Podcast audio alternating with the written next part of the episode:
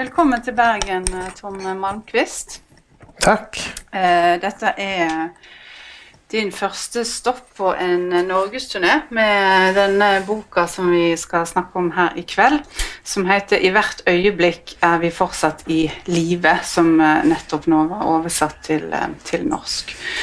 Som er en fantastisk flott tittel eh, på en rystende og sterk roman. Eh, boka har fått Dagens Nyheters kulturpris. Eh, Karin Boyes litterære pris, og er også nominert til Nordisk råds litteraturpris eh, for 2016. Og den er også omsatt til ti språk. Så jeg må få lov til å gratulere med, eh, med denne helt spesielle boka og mottakelsen. Eh, en litterär triumf, skriver Nordisk råds litteraturpris sin jury om eh, romanen. Eh, tidigare så har du skrivit ett par diktsamlingar men detta är eh, din första prosabok. Och med den så har du nådd ut till ett väldigt mycket bredare publikum. Både i Sverige, men också till flera land. Och du har också med detta hamnat i den elitedivisjonen av eh, nordisk samtidslitteratur. Og likevel så kan jeg eh, ikke gratulere deg med denne boka uten å samtidig eh, kondolere. For boka er jo et helt rystende, dramatisk eh, forløp eh, fra ditt eget liv som virkelig hugger tak i, eh, i leseren fra første side. Eh, det handler om eh, Tom Malmqvist sin samboer Karin, som eh, blir akutt syk i svangerskapsuke 33. Kommer på sykehuset, der hun snart blir lagt i eh, Hva heter Hva sier du sier å sovne ned? Hva sier man på norsk? Jeg kommer helt ut det. Hva? Respirator? Ja, ja, ja. Unnskyld. Eh, og eh, der, eh, deres datter Livia blir født eh, forløst med keisersnitt. Eh. Eh, Karin blir straks verre. De alarmerende eh, verdiene stiger, og hun får eh, diagnosen akutt leukemi. Og innen kort tid så dør Karin på sykehuset. Eh, romanen är en intens och rå och närmast dokumentarisk eh, skildring av eh, det som sker på sjukhuset och tida etterpå, när, eh, när Tom reiser hem alene med vesle Livia. Så eh, jeg har lyst til å lese på i den norske utgaven helt innledningsvis, hvis det får lov, så jeg gir et innblikk til, eh, til publikum her. Overlegen tråkker ned hjullåsen på Karins seng. Med høy stemme informerer han intensivsykepleierne som klipper opp trøye og sports-BH. Gravid kvinne. Barnet har det bra, ifølge rapport. Uke 33. Ble syk for ca. fem dager siden med influensalignende symptom. Feber, hoste. I går lett åndenød som ble forklart med graviditeten. I dag akutt verre. Sterk åndenød. Kom til føden for en time siden.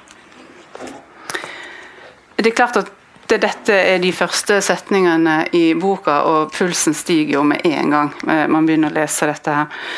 Og Det er også typisk for eh, denne delen av romanen, dette rapporterende, kliniske sykehusspråket, eh, som setter leseren i en helt altså, her, altså Man får umiddelbar følelse av at her er det akutt og veldig, veldig alvorlig. Kan du fortelle oss litt forut for det som nettopp jeg eh, nettopp las nå? Hva skjedde før dette? Dagene før? Ja, har man mig nu här? Mm. Um.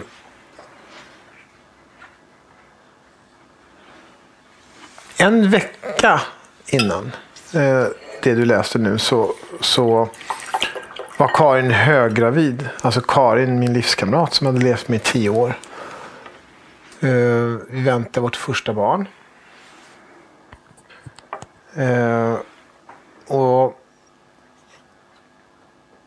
livet var helt normalt. Fantastiskt, perfekt. Eh, och plötsligt insjuknade hon i något som jag trodde var influensa. en förkylning. Eh, sådär va. Eh, och på fem dagar så blev hon gradvis mycket, mycket sämre. Så pass mycket sämre att jag blev orolig för att det skulle vara lunginflammation. Alltså pneumoni. Alltså, svårt att andas och, och någonting, no, någonting hade hänt med lungorna. Eh, sådär. Inte, inte så pass allvarligt att jag kände att jag blev orolig på det sättet. Men hon var gravid och som man är som förstagångsförälder så är man jättestressad för att allt. Sådär, va? Så att, ja, men det var väl lika bra att vi åker in och kollar upp det här. Va?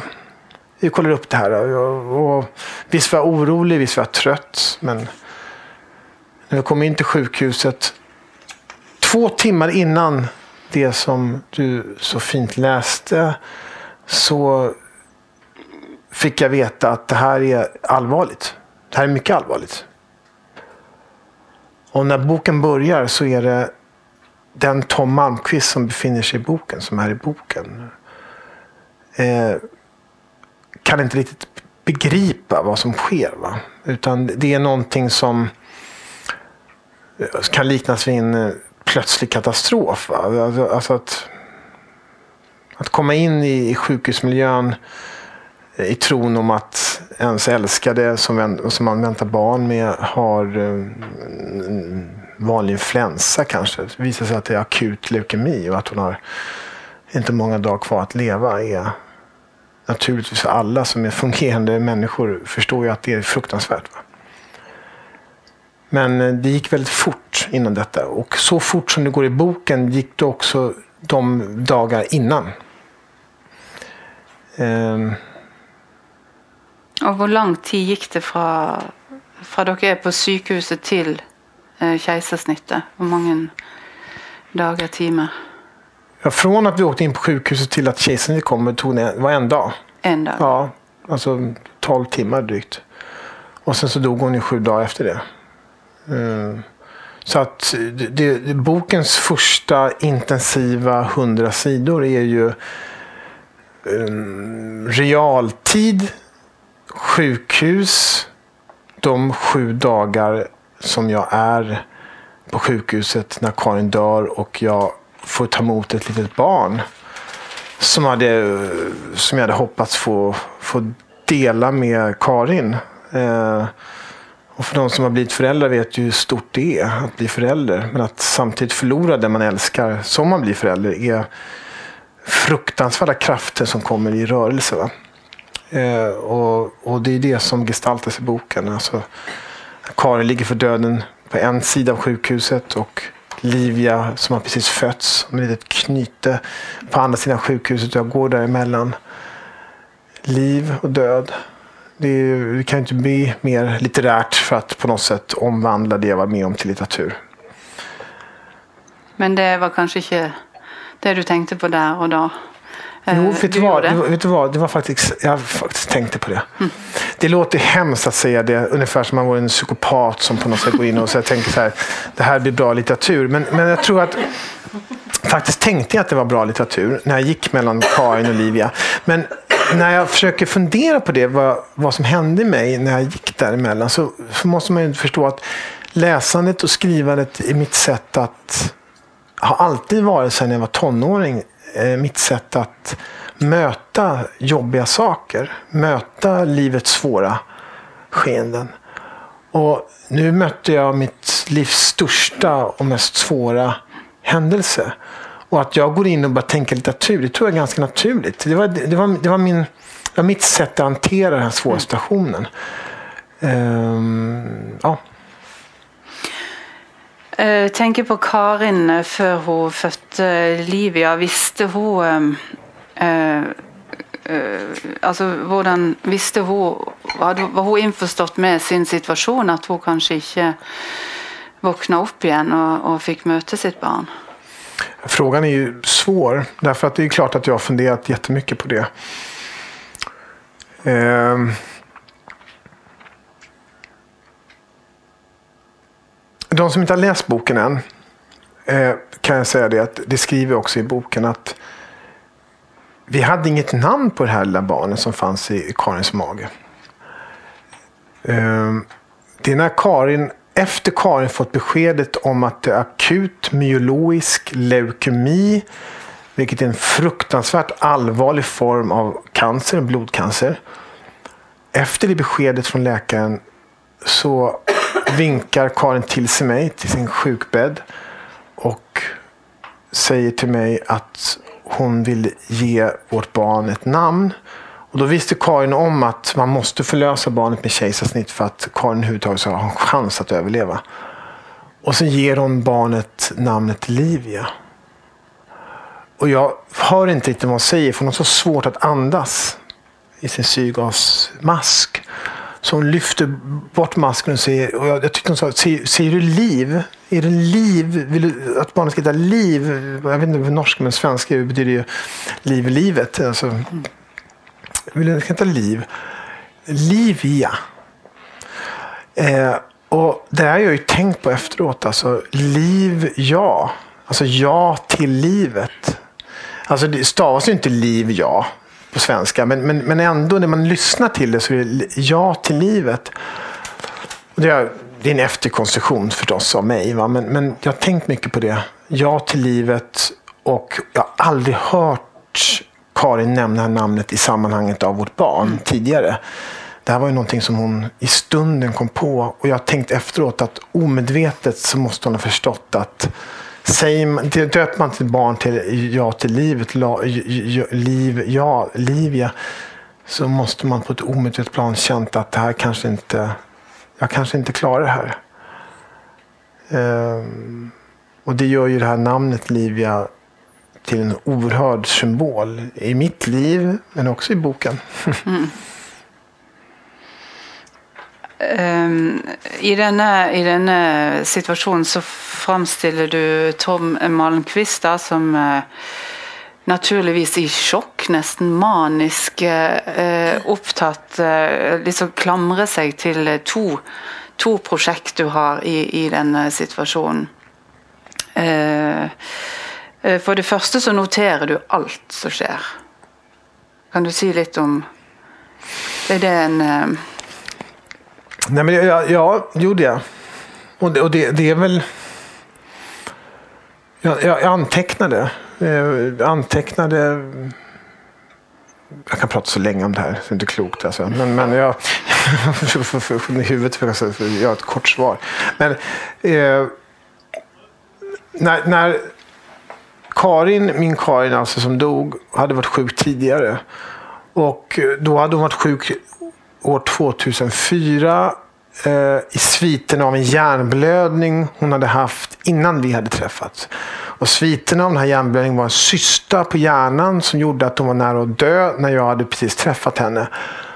Och det jag ångrade från den tillfället 2004 när Karin var nära att dö av cystor på hjärnan var att jag registrerade ingenting från sjukhuset. Jag eh, kom inte ihåg någonting från sjukhuset. Jag kom bara ihåg vissa så här scener från sjukhuset där jag liksom inte riktigt kunde hjälpa Karin att bearbeta det trauma hon var med om då. Och det jag kände då 2012 när Karin kom in då med höggravid med leukemi. Det var att jag ska inte göra samma misstag nu som då. Jag ska har Karin en fråga till mig om hon vaknar upp från sin koma från respiratorn så vill jag kunna ge henne ett svar. Frågar hon mig vad var det för typ av diagnos jag fick? Eh, varför skulle de amputera mitt ben? Så vill jag kunna ge ett exakt svar. Och jag, skulle, jag, jag sa till mig själv att jag måste kunna också beskriva exakt hur rummet ser ut. För att hjälpa Karin att bearbeta det här traumat. Och de här anteckningarna blev då grunden till boken sen. För att Karin överlevde ju inte som, som, som, som ni har förstått. Eh, så mm, det är egentligen kortfattat så är det faktiskt så. Jag måste svara på din fråga. Uh, den andra tingen är att du har ett projekt med dessa klutene. va? Mm. Oransje kluter. For etter at Livia er født, så har ikke um, Livia kontakt med sin mor. Nei. Eh, Så da har du et prosjekt med noen oransje kluter. Kan du fortelle litt eh, Klute, ja, det, svenska heter det, kallar vi det snuttefilt. Ja, ja. Eh, och, och, det, och det är ju någonting som bebisar har när man snuttar på och gossar med. Som, ja. och, och det var ju på Karolinska universitetssjukhuset i Stockholm. Jag tror inte att det är så många som har varit där av er. Men för de som har varit där, jag till exempel, vet ju om att mellan en avdelning till en annan avdelning så är det ungefär en kilometer kulvert. Alltså underjordiska gångar mellan avdelningarna. Eh, och tusen meter mellan Karin och hennes dotter.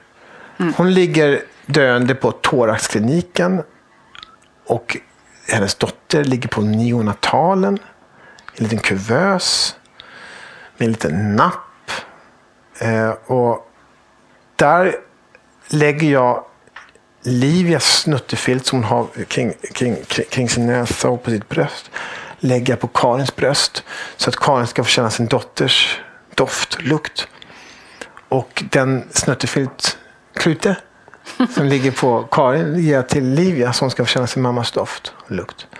Och där är mitt projekt, det är mitt, mitt arbete. Det enda jag kan göra. Det enda jag kan göra. Eh, och, och, och det där projektet känns eh, vackert naturligtvis på något sätt. Va? Men det känns också hopplöst. Jag, jag, jag är ingen läkare och jag känner mig fruktansvärt avundsjuk på läkarna som kunde hjälpa till. Jag kunde inte göra någonting. Jag var väldigt maktlös i den här sessionen. Men det var det enda jag kunde göra. Att försöka bibehålla kontakten mellan mor och dotter. Och så på ett tidspunkt så får du också angst för att... eh, det kan være bakterieoverførende. Ja, men det var ju nå- någon, någon eh, sjuksköterska som, som, som var rädd för att det skulle, cancern skulle, jag vet inte hur hon tänkte, den skulle spridas. Där. Jag tänkte att jag, jag vet inte, jag kan inte det här. Så att jag, ja, jag vet inte. Det var, det var, jag tyckte det var, helt, det var det är faktiskt helt sant det som skrivs i boken där, men det var, det var galet det hon sa. Att man inte kunde gå med de där snuttefiltarna mellan dem. För att det skulle sprida cancer. Äh, sp- sp- cellgifterna var det. Cellgifterna var det. De var oroliga för att det skulle spridas. Ja, inte klokt. Sen var det, så, så var det en professor som sa nej, det kan inte spridas på det sättet. Så du fortsätter med dina filtar.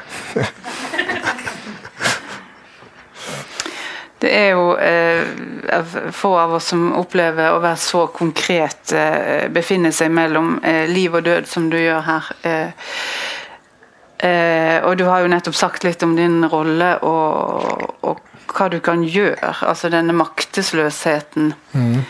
Eh, men det blir jo sagt om håp i at håp er en utrolig sterk ressurs for mennesker i, eh, i krisesituasjoner. Eh, At det ikke alltid handler bare om optimisme. Eh, At alt skal gå bra til slutt. Eh, eh, Så det lurer litt på. Hvordan har ditt håp Brukte du ditt håp i løpet av denne prosessen? For jeg vil tro i begynnelsen så håper du jo at denne influensaen raskt går over. Og så skjønner du at her er det noe mye mer alvorlig. Hva, Så da, på hvilken måte forflytter du håpet ditt? Og hva em, Ja. Til slutt, på et eller annet tidspunkt, så må du jo slutte å håpe for Karin. Eh, så jeg lurer litt på hvilken Hopp, hopp, hoppet, hopp säger man på svenska då. Hoppet, eh, så att alla förstår. Vad säger man? Säger hoppet. Hoppet är det sista som lämnar människan. Va? Så det har vi lärt oss av gamla grekiska författarna. Och det är ju så. Hoppet är det sista som lämnar människan. Någonstans hoppas vi alltid. Annars ger man upp. Men i mitt fall, måste jag ändå säga, i mitt fall, när jag befann mig i den stationen, så var hoppet mer smärtsamt än, än berikande. Därför att Karins station, när hon låg för döden och jag skulle samtidigt ta hand om ett barn, så tänkte jag om denna unga kvinna vaknar upp så var det, det, det, det jag ville ingenting annat. Men så fort jag tänkte att det kanske går vägen så blev alla besked om motgångar så fruktansvärt jobbiga att jag bara bröt ihop. Så att när jag använde strategin att hon kommer att dö jag är ensam med min dotter. Då plötsligt blev jag stark nog att kunna ta hand om min dotter och kunna hantera situationen kring, kring Karin. Och, så att i mitt fall var det så att jag, hoppet fanns inte. Jag sköt bort det och bestämde mig för att hon kommer dö. Det här kommer att eh, gå på det här sättet. Ehm, och det var först då när jag lämnade hoppet som, som jag orkade. Det vill säga för mig så lämnade hoppet inte det, det, det, var inte det som lämnade mig sist utan det var det som jag var tvungen att göra mig av med för att orka. Men det där ju, skiljer sig från människa till människa förstås. Det låter väldigt hemskt att säga så förstås. Men för mig var det bättre att möta verkligheten än att hoppas. Ja, och det är ganska eh, smärtefullt att läsa, syns jag, också när du tar eh, Du går forskutterer legene på en måte. Du sier at ja, men Karin kommer ikke til å klare seg. Mm. Og da sier overlegen till dig, Tom, vi är inte där än Nej, precis. precis. Mm. Mm. Och, det, och, det, och, det, och, det, och, det, och det där tycker jag är bra att du noterar det. För, för det tänker jag också så att det, jag tror att det säger mer om, om överläkaren som människa än som överläkare. Mm. Han vill inte själv att du skulle gå mm. den vägen. Men för mig som har levt med Karin tio år och älskar henne så oerhört mycket. Att jag skulle våga, våga hoppas på att det här skulle gå bra det var mer smärtsamt än att bestämma sig för att det kommer gå åt helvete. Och för honom så var det liksom som läkare och så var det så här, ja, man har sina diagnoser och man måste möta det på, på det och det sättet. Men som människa så, så tyckte han att han ville inte att jag skulle må dåligt och utgå från det här. Mm. Så att jag, jag, det var många läkare, inte bara han, som, som i, i, verkligheten alltså, som, som, eh, som mer eller mindre bröt ihop när jag bara sa att jag tror inte att hon kommer klara sig, så du behöver inte säga till mig att, att eh, du tror att det kan gå bättre imorgon. Jag har utgått från att hon kommer dö. Eh, jag har min dotter nu. Och det var oerhört smärtsamt för dem att höra, alltså de här läkarna. Det var oerhört smärtsamt för dem att höra att jag hade utgått från det. Um, men det gjorde mig till en bättre pappa. Låter, låter kanske märkligt men jag kunde finnas för Livia med då. Som då fanns på neonatalen som ett litet knyte som snuttade på sin lilla napp där. Mm. Ja, för det var ju så du ser väldigt många andra människor också på sjukhuset eh, i den här tiden. Alltså Karins föräldrar, eh, annan familj, din, dina föräldrar och vänner. Och, eh, Eh, ja, och noe av dette er jo veldig konfliktfylt, eh, mm. leser, mm. leser, man ut av det. Mm. For på et sett og vis så holder jo Tom da Karins foreldre på avstand fra sin egen datter når hun, hun ligger på sitt siste. I alle fall opplever de det. Mm. Uh, ja. Så jeg tenker boka også skildrer veldig, et veldig sterkt relasjonsdrama i en helt extremt pressad situation. Mm. Uh, vill du säga något om eh, den delen av, av handlingen? Det är den delen som i, i alla fall i Sverige har varit den delen som folk har reagerat mest på. Alltså folk har liksom tyckt boken varit värdelös för att jag har varit så jävla vidrig människa. Eh, sådär, liksom. och, och när man läser boken som en om man liksom orkar läsa boken eh, på ett sätt som är liksom, det här är jag. Det skulle kunna vara jag. Va? Att det här, det här är inte en främling. Det, så märker man när man är i en svår station så är man ingen hjälte. Man, man är en man är en människa som gör saker som är bra och man gör saker som är dåliga. Eh, och när jag i verkligheten och också i boken eh, är eh, så att säga, en sorts dörrvakt mellan Karin och hennes föräldrar så har det att göra med två saker tror jag. Eh, nu kanske jag tolkar boken åt er, men, men ni, ni, det här är inte sant. Det här är min tolkning av min egen text. Det är att jag å ena sidan är eh, en person som är lojal med Karin. För att Karin vill inte ha sina föräldrar vid sin sida. Hon anser att min närmsta familj är du Tom och jag väntar ditt barn, vårt barn. Det är vi som är familj. Vi har levt tio år tillsammans. Det är vi som är familjen. Jag vill inte ha mina föräldrar här. Eh, jag orkar inte det. Jag vill att du ska vara här. Och det säger hon till mig också. Och då försöker jag på något sätt i den här svåra situationen vara lojal. Alltså jag vill, vill lyssna till Karin, och försöker möta Karin och försöker på något sätt eh, realisera hennes önskemål. Och i det läget så vill hennes föräldrar komma in till Karin. Jag låter dem komma in till Karin. Men med vissa restriktioner. Alltså jag, jag säger liksom att ja, ni får vara inne och säga hälsa, men Karin ville faktiskt inte att ni skulle vara här. Och, sådär. och det där blir ju föremål för en konflikt, för de tycker att det är helt fel. Det är vår dotter eh, och, och sådär. Och det förstår jag såklart. Det andra är det psykologiska svaret, å andra sidan. Det är att som inte handlar om Karins önskemål, som handlar om mina egna brister. Det handlar om mina brister som att jag känner en konkurrens mellan Karin som en vuxen kvinna och Karin som en flicka som växt upp i en eh, familj med en mamma och pappa som älskar henne. Och där jag känner att jag konkurrerar med föräldrarna om Karins kärlek. Där jag är, visar mina mest vidriga sidor som människa där jag faktiskt konkurrerar i en sån här svår station med Karins föräldrar om hennes kärlek. Liksom. Det är de två sidorna och det är de två sidorna som jag gestaltar i boken. Både det som faktiskt var och mina egna brister. Där är mina brister som är intressanta, inte Karins föräldrars brister. Och det, var, det, är för det, därför att det är det sättet jag kan skriva på. Jag måste ju liksom blotta mig själv som människa, för annars blir det inte intressant att läsa. Och det är jag. Hej.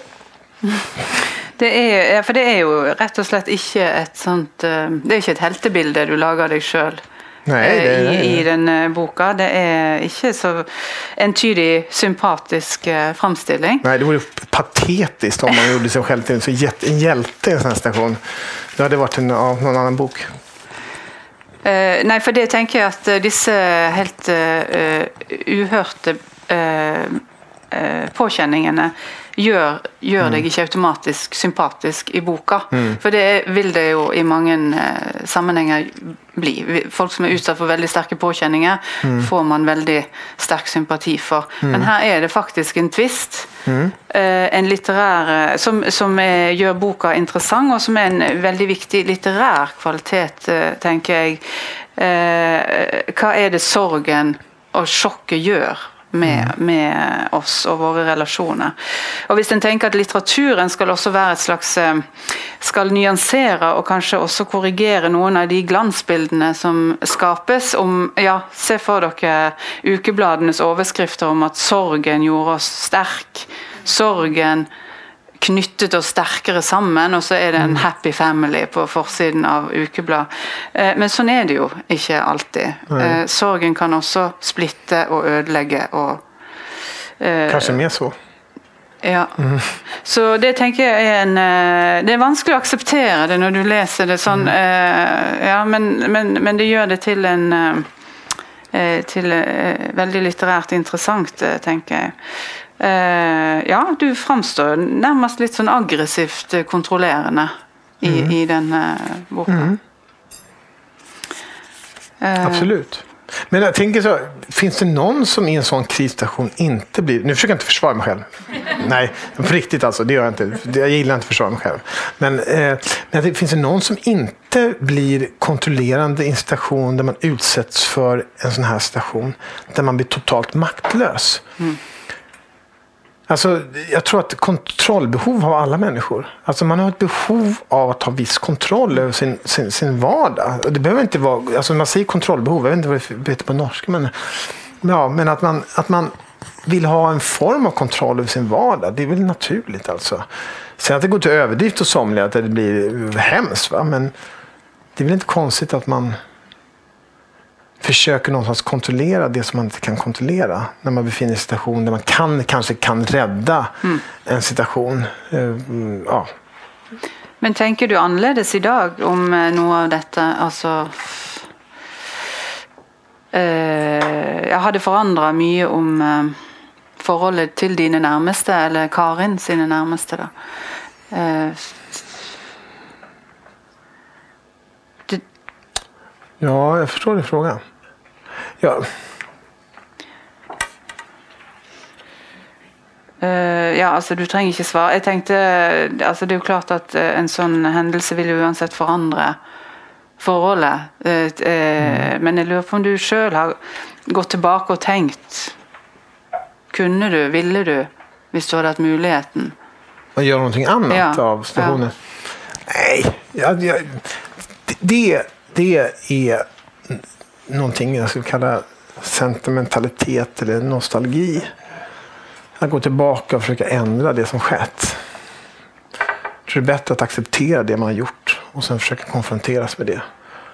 Jag, jag gjorde vad jag kunde då. Eh, rätt, fel. Det, jag tycker inte att det är intressant. Jag, jag gjorde så. Jag, jag betedde mig så. Och det tycker jag är intressant rent psykologiskt. Hur jag gjorde då. Eh, jag går inte tillbaka och, och, och tänker om jag gjorde rätt eller fel. Därför att det skulle förgöra mig. Jag har nog med andra problem i mitt liv. Ehm, däremot så tycker jag det är intressant att skriva om det, att konfronteras med det under, under återigen kontroll här. Under, under, under liksom förhållanden där jag kan kontrollera. Där jag kan liksom beskriva och skriva om det. så va. Jag tyckte att jag gjorde rätt. Eh, utifrån mitt perspektiv. Jag, i slutändan så är mitt perspektiv ändå det att jag är faktiskt, jag sitter här med en fyra och ett halvt åring hemma i Stockholm, Sverige nu. Som jag saknar och som längtar efter mig. Och jag har, jag har klarat mig. Jag har gjort det här. Liksom. Jag har gått igenom allt det här och jag har en dotter som är jättefin och fungerar jättebra. Liksom. Det, det, är- det är min belöning tror jag.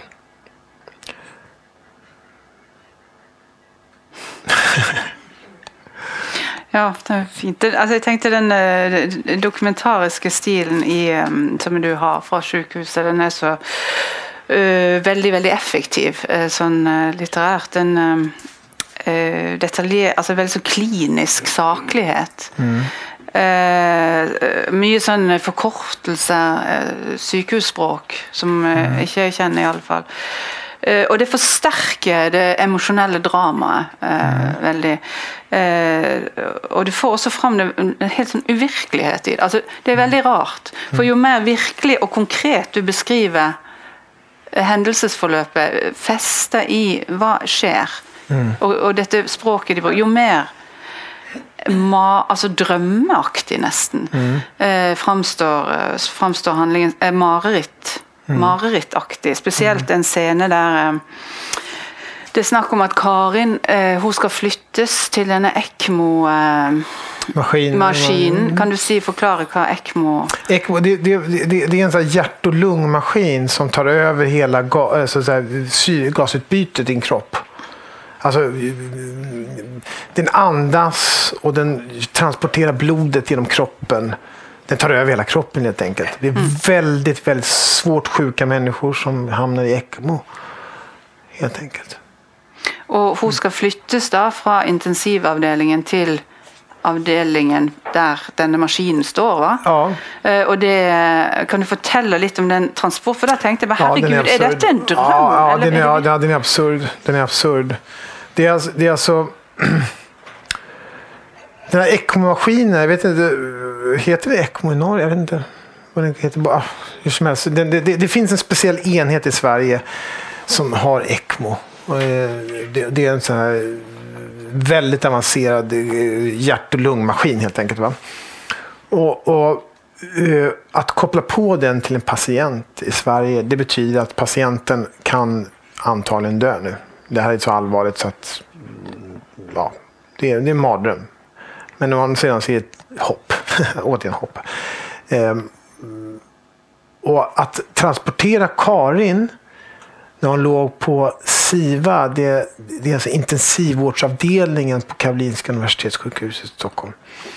Transportera henne till thoraxkliniken där hon var tvungen att ta sig till då. Men här, det, det var drygt en kilometer kulvert, alltså en kilometer källargång mellan då den här avdelningen där hon låg till den här nya avdelningen där hon var tvungen att transporteras. Där var jag och tre, eh, eh, en, två läkare och en sjuksköterska och jag var tvungen att transportera Karin i sängen med alla maskinerna. Det, det är alltså, vi snackar alltså det var eh, maskiner överallt. Alltså, det kändes så i alla fall. Det var tre maskiner som drogs efter den här sängen och vi skulle in i små gamla gångar som byggdes på 60-talet i Sverige. Små som är liksom anpassade till helt andra omständigheter.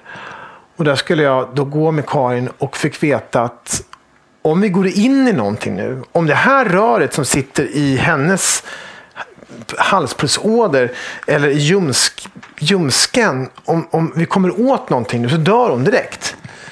Och det var verkligen att gå med, med henne där i hela paketet i den här gången där. Eh, det, det, det, var ju liksom som en sorts mardröm att man transporterar det man älskar och tänker, kommer in, går man in i någonting nu så dör hon. Eh, gör du någonting fel nu så dör hon. Eh, och jag kramade den här jäkla stora slangen som transporteras, som skulle fungera som en sorts eh, ja, eh, åder i, eh, i kroppen med allt blod som skulle transporteras i kroppen för att få en att andas. Jag höll i den eh, så att den inte skulle släppa. Och när jag kom till, till den här eh, avdelningen där Karin skulle lämna så, så var jag helt vit i handen. Jag hade liksom kramat den så hårt hela tiden för att inte släppa den. Liksom, det enda jag kunde göra. Och, och jag fick lite kramp i, i, i min hand. Eh, och, och den här scenen var ju liksom, som finns också i boken, den är ju så absurd. Alltså. Den är ju som du säger, en mardröm. Men den är sann. Och, och det här är ju inte jag ensam om att varit med om. Mm. När man transporterat någon som är sjuk liksom, mellan en avdelning till en annan. Um, men den är, också, den är också så absurd så att man nästan skrattar åt den. Jag vet, jag vet, en gammal en jättekänd biskop i Sverige som heter KG Hammar. Han, han, han är sån jättekänd i Sverige. Han, han är, eh, vi intervjuade honom. Han, han, han sa att han skrattade åt den här scenen. Och när han säger det, han, han är en sån här person som verkligen pratar om död och sjukdom hela tiden. Han skrattade åt den här scenen och jag tycker, vet du vad, jag tyckte det var väldigt befriande mm. att han sa det. Därför att det visar också på situationens absurditet. Mm. Att det är okej okay att skratta åt det. För det är faktiskt en, en, en, käns, stark känsla i oss människor att kunna skratta åt det. Därför att det är så jävla knäppt absurt. Alltså att man är med om det här. Alltså. Det är okej okay att skratta alltså. Det är liksom, ja men det, det är det. Det, det, det är, ju veldig, det är ju mycket humor också i Ja, det är det. det, är det. Eh, faktisk. Och eh, ja, det är som du säger, det är en väldigt sån uh, stark känsla av utanför världen. Mm. Mm. Upplevelse. Mm. alltså, uh, så egentligen, ja. Uh, men så, så dör Karin. Eh, Og jeg skal bare lese veldig kort det som står om, om det på side 80 her i den norske utgava. Eh, det virker som om sykepleieren skriver ned det Nygren sier på datamaskinen, mens han nærmest seremonielt går bort til maskinene. Pasienten får asystoli klokka 05.52. Fortsatt stigende kalium. Laktatet ligger stadig på 28. ECMO er uforandret med 5500 omdreininger i minuttet. 5,1 liter i gjennomstrømning. Utsiktene for fortsatt liv vurderes som ikke-eksisterende, og jeg velger å slå av respiratoren og ECMO. Det blir stille i rommet, ingenting låter lenger. Nygren ser på klokka og legger til. Pasienten går ad mortem 0631.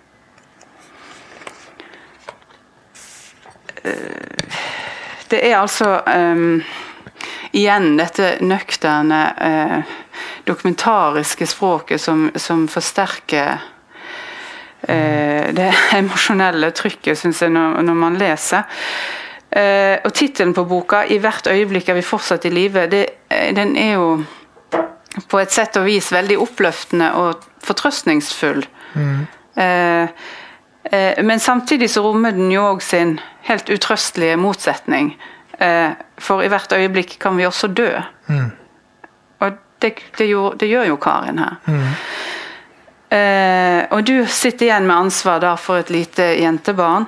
Eh, var du sjøl redd for å dø i denne, i, i denne fasen?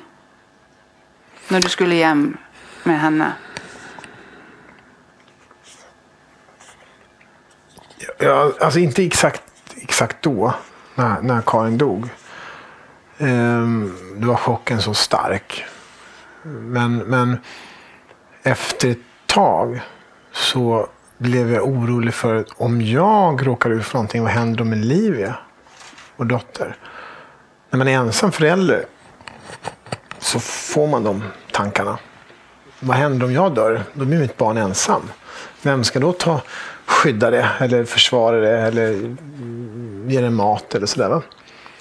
Så det, det, oron kom senare eh, och den oron är ju här idag med mig. Mm. Alltså det är min mardröm. Liksom att, vad händer om jag inte finns med eller om hon inte finns med? Mer om jag inte finns med för då kan inte jag hjälpa henne. Eh, ja, det är ju omsänt. Men, men um, Jeg tenker også det, må, uh, det som, blir, det som uh, dere blir utsatt for her, det, du blir jo utsatt for at de nærmeste omtrent uh, ville tro på lin, linje med å, at du mister noen i en trafikkulykke. Altså sånn mm, mm, uten forvarsel. Det sjokket. Mm. Uh, det var at det gikk så fort? Ja, mm. så, så, jeg bare lurer på hvordan, hvordan oppleves sorgfasen når du kommer hjem. Eh, og så kom hjem til en leilighet som dere hadde reist fra. Mm. Med største selvfølge har tenkt at her skal vi jo komme tilbake igjen. og mm. eh, Kanskje var det sånn i leiligheten. Kanskje hadde dere etterlatt leiligheten sånn. Som at her skulle livet tas opp igjen som normalt. Mm. mm. Eh, så hvordan var det å komme hjem med vesle Livia og, og, og begynne på dette nye, denne nye tilværelsen? Ja... Det, det, alltså, det, det var ju... Tänk själv alltså, att, att förlora någon man älskar och samtidigt få någonting så fantastiskt som ett barn. Att man blir förälder samtidigt. Alltså, de här två kontrasterna var ju oerhörda. och hur dåligt jag än mådde, alltså hur Eh, ledsen jag än var i den här stationen så hade jag ett barn bredvid mig som skrek och ville ha mat och ville ha mitt bröst. Eh, närheten av mig i alla fall. Och jag var tvungen att tvungen att eh, kravla mig upp ur mitt Hades, ur mitt helvete för att möta min dotter. Eh, hon fick mig att överleva, kan jag väl sammanfatta det här med. Alltså, det spelar ingen roll alltså, hur, hur jävla dåligt jag mådde. Alltså, jag var tvungen att ge henne det hon behövde. Hennes behov blev viktigare än min sorg. Eh, hon blev riktningen, pilen framåt i mitt liv. Eh, hon är också bokens riktning, det som pekar framåt och bortom boken. Eh, det här som symboliserar livet. Det som får mänskligheten att fortsätta. Eh, hoppet, återigen, alltså ett barn kan bli vem som helst. Det handlar om hur vi, mm. vilken kärlek vi ger barnet. och vem, sådär, va? Så att det blir så oerhört eh, för mig att, att så tydligt för mig att det här barnet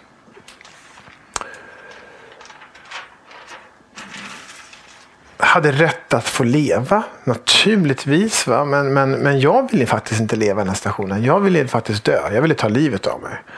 Eh, men, men, men min dotter hade inte valt den här stationen. Mm. Min dotter hade fötts under de här omständigheterna. Hon har rätt till att få leva och få en fantastisk uppväxt. Och få välja i livet. Och jag bestämde för att det är hon som bestämmer. Det är hennes val, hennes behov som är viktiga. Så jag blev mappa. Alltså det är mamma och pappa i ett. I det här fallet. Så, jag, så jag, jag, bestämde mig för det faktiskt. Och, och, och, det gjorde att jag också började upptäcka livet. Och när Livia upptäckte en smak eller skrattade, hennes första ord. När hon började gå. Allt det här du vet, som alla som har haft barn och har barn vet om. Så, här, så det är det fantastiska. Och, och det fick mig att gå vidare. Samtidigt så är det bitterljuva, jag vet inte om det finns på norsk, men, men, men det här, den här känslan av att det både är fantastiskt och hemskt. Det är att Karin inte fick vara med. Att jag inte kunde dela glädjen i att Livias första ord, Livias första steg och allt det här var det, det, blev, det blev både en glädje av att Livia, dottern, kunde uttala det här ordet, eller gå. Eh, men jag kunde inte dela det med Karin, som dog. Så det, det, det, var, det var... Allt ljuvligt i mitt liv sen Karin dog har varit haft en baksida och det är att inte Karin får vara med. Eh, och eh, jag accepterar det. Och det där är det viktiga i sorgen, när man, har, när man, när man, är, när man är med om sorg, att, att acceptera det. Det är okej okay att känna den här känslan. Det är inte så farligt att ha den här ångesten och den här saknaden och rädslan. Därför att Karin är också närvarande då. Va? Mm. Eh, och det är någonting fint. Eh, det är någonting fint att inte vara rädd för att vara ledsen och ha ångest. Det, det tycker jag många är så rädda för att vara ledsna och ha ångest. Det, det är någonting fint tycker jag. Mm. Om det inte tar över ens liv förstås. Det, eh, på en måte er Første delen av boken eh, handler jo om at Karin dør. Eh, mens så kommer det en del der du levendegjør henne for oss. Mm. Og det er veldig vakkert. Da kommer hun fram for oss. Og, og det, dette er også en veldig sterk kjærlighetshistorie. Mm. Som forteller disse fortellingene som, som kjærestepar har om hverandre. Mm. Hvordan dere møttes. Eh, Universitetet i Stockholm, fortellingen om ja, hvordan dere ble et par. og at dere hadde en sånn drøm om å sitte på hver sin side av bordet og arbeide med, med hver mm, deres mm, bok. Mm, altså den type uh, drømmer som uh, Økonomiske bekymringer. Uh, mm, mm.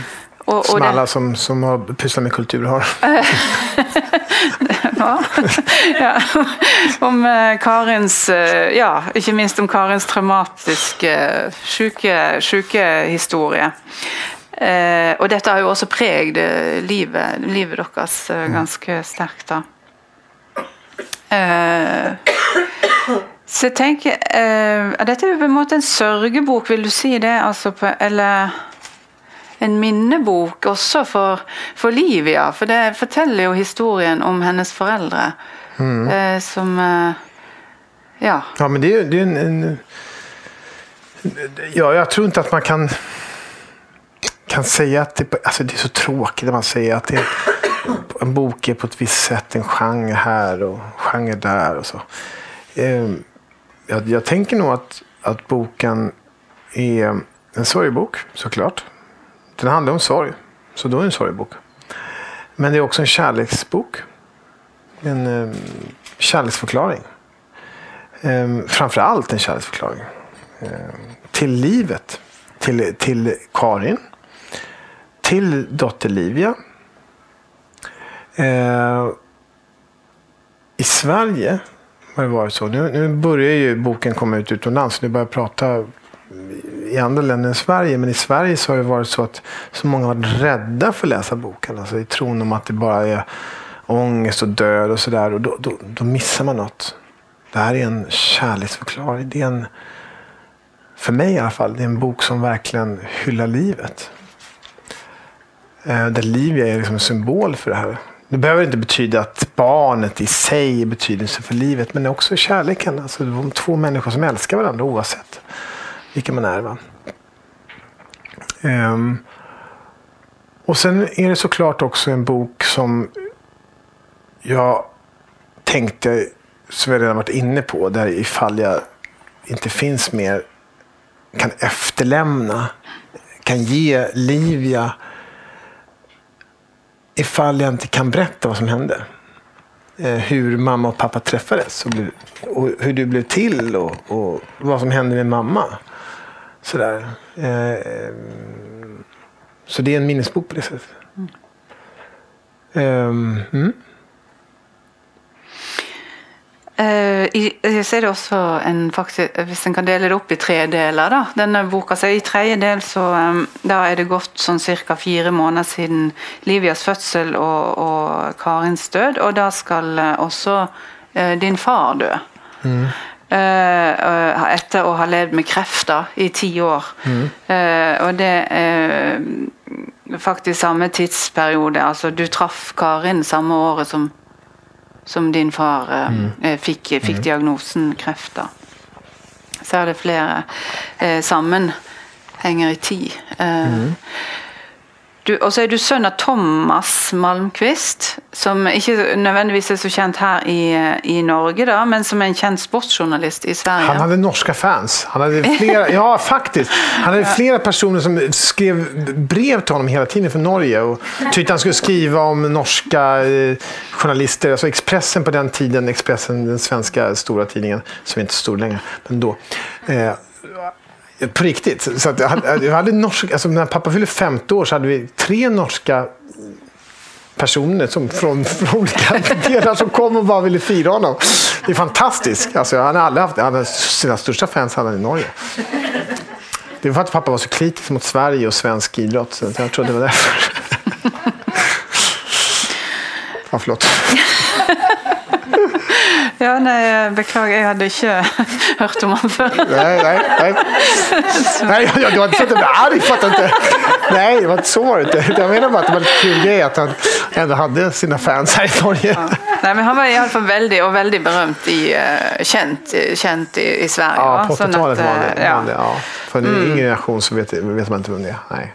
Uh, ja, så, når han, eh, så da kommer jo denne sorgen uh, i tillegg uh, til det du alt har eh, av, av, sorg. Og så skal du forholde deg til altså, hvordan, eh, hvordan, hvordan var det? Altså, hvordan eh, opplevdes du Orker man mer sorg på et tidspunkt?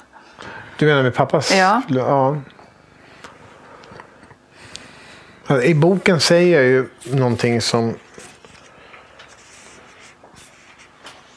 som jeg også kjente, og som jeg også i dag jag ser tillbaka på den här tiden upplevde det. Att jag kunde liksom inte hamna längre ner på, i, i, i, min sorg än var jag befann mig. Alltså, att, att förlora Karin och sen då tre månader senare förlora sin pappa var ju... Alltså, jag, jag blev inte mer ledsen av det. Utan det var liksom som jag var så, jag var så ledsen och så sorgsen som det var. Så det blev inte mer sorgsen av att pappa dog. Mm. Ehm, däremot så väckte min pappas död. Och det är det jag också gestaltar i boken med mina minnen och sånt där. När en förälder dör, det tror jag alla kan, kan skriva under på och hålla med om. Så väcks ju någonting inom en och det är ju minnena av ens förflutna. När en förälder dör så blir man påmind om när man var liten. När mamma och pappa gjorde si och så. Och det väcks någonting i det. Eh, och det gjorde det också mig när pappa dog. Jag kommer ihåg när han gjorde si och så när jag var fem år. Och si och så när jag var åtta och sådär minnena blev oerhört påtagliga. Och då har jag liksom någon gång sagt att minnena är inte väsentliga för mig. Sådär. Men eh, när Karin dog så var minnet för mig oviktigt. Det var tingen som blev kvar efter den som var viktiga. Men när pappa dog så blev det faktiskt minnet som blev viktigt. Mitt eget förflutna med min pappa. Ehm, vi hade ett väldigt komplext relation till min pappa som var en som du redan nämnt, en auktoritet, en celebritet i Sverige under 80-talet. Sportchef på då, då Nordens största tidning. Och eh, ja, i boken så bekänner jag någonting som, som har blivit lite snaskigt i svensk, eh, svensk, eh, svensk press. Och det är att min pappa skrev var hemligt, men min pappa skrev Björn Borg. Björn, ni känner till Björn Borg, tennisspelaren. Min pappa skrev Björn Borgs eh, eh, tenniskrönikor i Expressen som blev internationellt uppmärksammade. Det var det att pappa var så sjuk så han kunde inte skriva, så det var jag som skrev dem. Eh, så att, så att, och det skriver jag i boken. Och det, var så här, och det, är liksom så här, det blir så här, oj, var det du som skrev den? Björn Borg, han, han, det, pappa ja, ringde Björn Borg och bara sa så här, ja, nu har, skriv, har vi skrivit så här. Och Björn bara, ja, jättebra, gud vad bra. Jag, jag har aldrig varit så stolt över att skriva någonting i mitt liv. På fullaste allvar, Björn Borg kände liksom att det var han som skrev det. Han, är så, han, han, han, han, är så, han har varit så under så lång, lång tid. Ja, nu kommer jag att prata om Björn Borg. men, men, det är så märkligt med en sån person som har levt så, liksom, som, som han har levt. Liksom, att, att jag, Tom Malmqvist, skrev Björn Borgs krönikor under en viss tid och bara liksom, så jag är ingen bra, jag, jag är inte så bra på tennis. Pappa bara, skriv så här. Jag bara, okej. Okay. Jag skrev blä blä jag, Varför slutade jag med tennis? Jag borde ha fortsatt och jag bara hittade på. Och, så och det blev liksom så internationellt uppmärksamt. Så det, det är Tom Malmqvist som har skrivit Björn Borgs spökskrivit Björn Borgs krönikor i Expressen som blev internationellt uppmärksammade. Nu vet ni det. Det står ju också i boken. Uh, I en ganska sånn sentral uh, passasje så sier, så sier, Karin at uh, du snakker om, mye om hva som, hva som gjør deg ulik din far. Mm. men har du, tenkt, har, du ikke tenkt på hva som gjør deg lik? Mm. så som virker veldig som en klok eh, refleksjon, da. Mm. Særlig i beskrivelsen av um, denne maskuline verdenen til din far, mm. med sigarettrøyk og disse, ja, disse harde sportssjargongene uh, og mm. idoldyrkingen. og ja, At det bare kanskje aner et lite ønske om frigjøring her. Mm. hva, kommer det også fram ved hans sykdom, syns du? Ønske om frigjøring?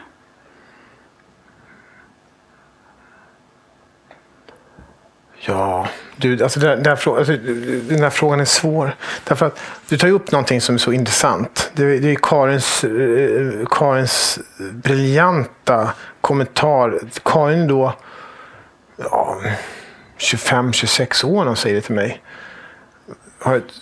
och jag har varit väldigt mån om att säga då att jag är olik min pappa som då var, hade jätteproblem med alkohol. Var en jävel mot mig ibland. Men var också fin ibland. Det är verkligen den extrema kontrasten mellan att vara en fin pappa till att vara riktigt jävlig. Han var så... Jag tycker att jag är verbal. Men han var så jävla vass på att han kunde liksom till vilken idrottsstjärna som helst kunde han sätta dem på plats genom att beskriva dem. Uh, han kunde beskriva, när jag satt och spelade gitarr en gång, då, då, så knackade han på dörren och så säger han så här. Och det var ju roligt, va? men också det svåra i mig. Va? Jag var kanske tonåring, satt och spelade gitarr och drömde om att bli rockstjärna. Och sen så säger han så här, knackar på dörren och säger, så säger han så här. Du, det är en jävla massa katter här ute. jag bara, jaha? Han bara, du låter som en, du låter som en, du låter ju, du låter ju som en löpande katt. Det är inte så jävla konstigt. Sådana kommentarer kunde han liksom säga och det var ju askul. Men det också blev så sårad. Och det, det var det jobbiga med honom att han var så rolig och samtidigt så blev jag så sårad. Men han var liksom briljant på att hitta de här kommentarerna. Nu tappar jag bort mig totalt. uh, ja, men, men, det var en bra anekdot. ja, ja, ja. ja. Uh. Uh, skal vi gå litt videre? Jeg har ikke to minutter. Ok, da bruker vi det til uh, uh, Ja, mm, skal vi se. Ja. Du har jo tidligere gitt ut to, to diktsamlinger. Mm. Så dette er din første prosabok. Og, og din første selvbiografiske bok, eller skriver du også litt selvbiografisk i noen av diktene? Altså, Eh, eh, den, den, jag, var, jag var duktig i hockey. Va? Mm. Um, och, uh, jag skrev en diktsamling som heter Sudden Death. Ja. ja. Och den är ju självbiografisk. Ja. Den, den bygger på liksom, min tid som hockeyspelare. Och så. Uh, men men, men um, efter det... Och sen, vet du vad det märkliga? Vet du vad? När jag var på neonatalen när, när Livia låg. Och neon, vet du neonatalen på... Mm neonatan där livet låg och Karin låg nyfött, på andra sidan. eller ja, nyfödd, för tidigt? Ja, ja, för tidigt. Prematura ja. ligger där. Ja. Så var det en sjuksköterska, en barnmorska som hade läst mina diktsamlingar. Jag menar, dikter är, är varken stort i Norge eller i Sverige. Men somliga läser det. Men liksom, och då var det så oväntat att det var någon som hade läst mina diktsamlingar där. Och vet du att hon var, läkare, var faktiskt en norsk läkare. Fa, faktiskt, nu kommer jag på det nu. När jag säger, norsk läkare. Norsk, ja, otroligt eh, faktiskt. Jag kom på det nu när jag är i Norge.